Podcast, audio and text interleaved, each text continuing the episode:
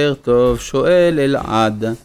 בוקר טוב הרב, איך ייתכן ששמואל כיהן בכהונה גדולה למרות שהיה לוי? ישנם פסוקים שהפשט שלהם הוא אכן כזה. יחד עם זאת, אם אינני טועה, המפרשים מסבירים בדרך אחרת. ואם מדובר בסוד, מה הסיבה שהרב גילה אותו? אז קודם כל, זו, זה מפורש בספר הזוהר, ששמואל שימש בכהונה גדולה. שמה תאמר, גיליתי סוד? לא. אם תסתכל באינטרנט ברשימת הכהנים הגדולים, אז uh, יש שם רשימה של הכהנים הרשמיים, ואז, וכל מיני אופציות נוספות, וביניהם גם שמואל הנביא מופיע שם. אז לא אני גיליתי, האינטרנט גילה.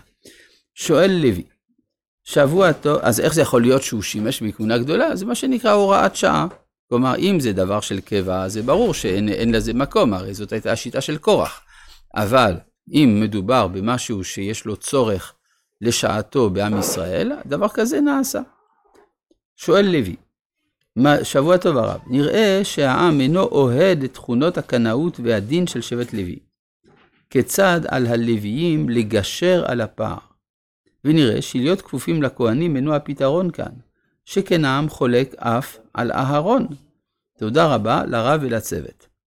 הנחת היסוד של השאלה, שהיא שהעם איננו אוהד את תכונות הקנאות והדין של שבט לוי, צריכה בעצמה ראייה. מניין להנחת יסוד זו? זה נכון ששבט לוי קנאי היה, אבל איפה מצאנו שהעם בגלל זה עוין את שבט לוי? לא מצאנו. ואדרבה, עליהם נאמר, יורו משפטיך לישראל, ליעקב ותורתך לישראל, כך שלא נראה שיש בזה אה, אמת.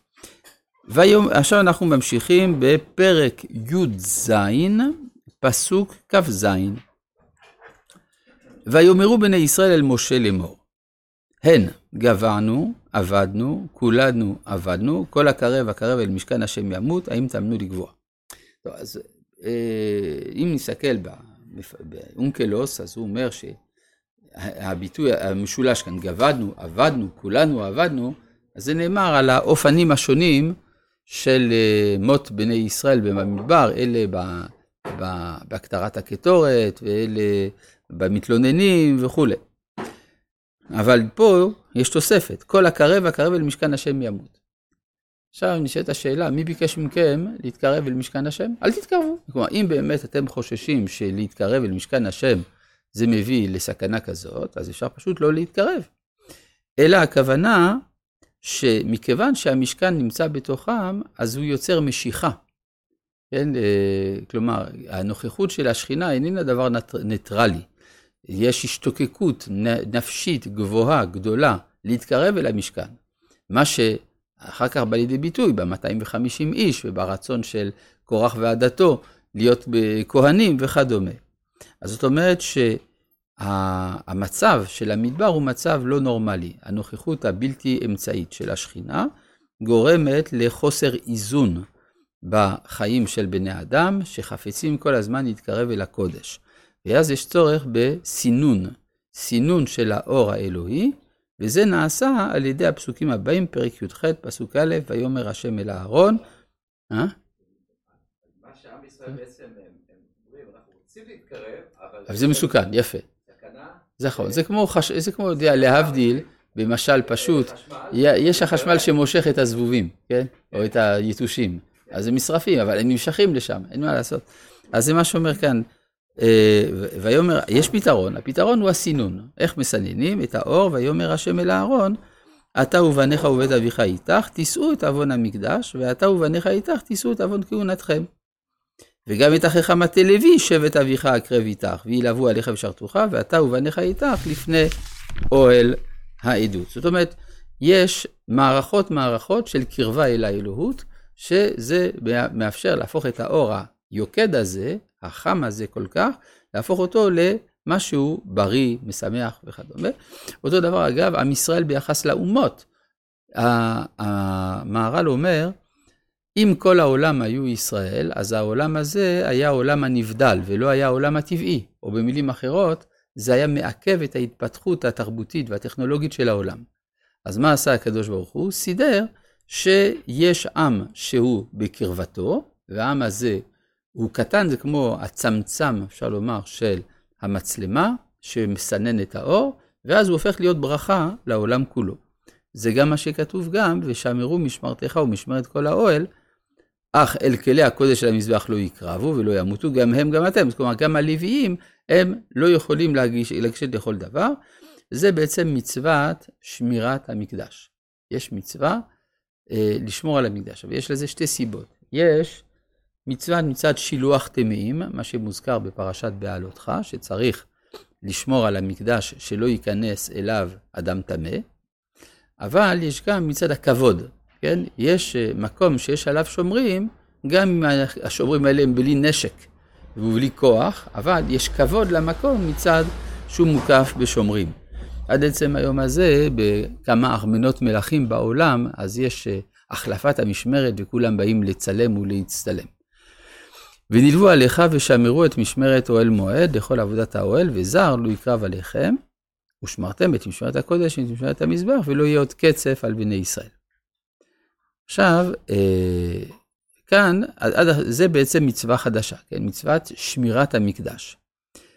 כאן אה, יש תוספת שלכאורה מיותרת. ואני, הנה לקחתי את אחיכם הלוויים מתוך בני ישראל, לכם מתנה נתונים לשם לעבוד את עבודת אוהל מועד. את זה כבר אמרנו בפרשת בעלותך, כן? אז מה, מה התוספת כאן? זה כדי להבליט לא, לא את לקיחת הלוויים מתוך בני ישראל, אלא הלקיחה של הכהנים מתוך הלוויים. וזה מה שנאמר כאן בפסוק ז'. כלומר, פסוק ו' משמש כרקע לפסוק ז'. ואתה ובניך איתך תשמרו את כהונתכם לכל דבר המזבח ולבית לפרוכת. הדבר המזבח זה הכוונה העזרה. בית לפרוכת זה קודש הקודשים. ועבדתם ועבודת מתנה אתן את כהונתכם, והזר הקרב יומת. מה זה עבודת מתנה אתן את כהונתכם? הביטוי מתנה, הוא צריך אה, ברור. זה אומר שהאדם נותן את עצמו. כמו שמניטו היה מסביר על המשנה באבות, הבו מתונים בדין, שאדם נותן את עצמו במתנה בתוך הדין, ומקבל על עצמו את הדין שהוא בעצמו פוסק. כלומר, אה, השופט מחויב לדין, כלומר, אה, שהוא מפעיל גם כלפי עצמו. עבודת מתנה אתן את כהונתכם, אתם בעצם בעצמכם המתנה בכהונתכם, והזר הקרב יומת. יש, אה, אה, יש הבדל בזה בין ספר ויקרא לספר במדבר. בספר ויקרא, המעלה של הכהנים היא מעלה מצד היותם בני אהרון. למשל, פרשת אמור, אמור אל הכהנים, בני אהרון, ואמרת עליהם וכולי. זאת אומרת, מה, מה, מה צריך לומר לכהנים? שהם בני אהרון. וכיוון שהם בני אהרון, הם בניו של אדם כל כך גדול, זה מחייב אותם. לעומת זה, בספר במדבר יש הדגשה שהכהונה באה מתוך הלוויה, והלוויה מתוך בני ישראל. זה צד הקדושה שבא מכוח האומה, ומצד זה הם מחויבים לאומה, וזה הדברים המאפיינים את ההבדל בין ספר ויקרא לספר במדבר, שספר ויקרא הוא אה, שייך לעב, לעבודת הכהנים, הוא מיוחד לכהונה והייחוד שלה, בעוד שספר במדבר הוא הספר של עם ישראל במדבר. וידבר השם אל אהרון, ואני הנה נתתי לך את משמרת תרומותיי לכל קודשי בני ישראל, לך נתתים למושך ולבניך לחוק עולם. טוב, מכאן ואילך יש רשימה של מתנות כהונה ולוויה. מה זה עושה פה? הבעיה הייתה ששבט לוי התקומם נגד הכהונה. והוא חטף על זה, כן? כל הסיפור של קורח ועדתו, זה היה משהו קשה. אבל יש גם פיוס. הפיוס הוא שבכל זאת יש מעלה מיוחדת לשבט לוי על פני שאר השבטים. ולכן יש פה רשימה של מתנות כהונה ולוויה, לא שלמה אגב, אבל זה חלק מ-24 מתנות כהונה שהן בחלקן גם מתנות לוויה. כלומר, בכל טענה לא מוצדקת, מסתתר איזשהו ניצוץ של טענה מוצדקת. וזה מה שנאמר כאן. אה, אה, בכל זאת, שבט לוי מרגיש שיש לו קדושה מיוחדת, ולכן מגיעים לו כל המתנות הכתובות כאן. זה מתחיל מהמתנות של אהרון ומגיע אחר כך בהמשך למתנות של שבט לוי. רבי חנניה בן הקשיא אומר.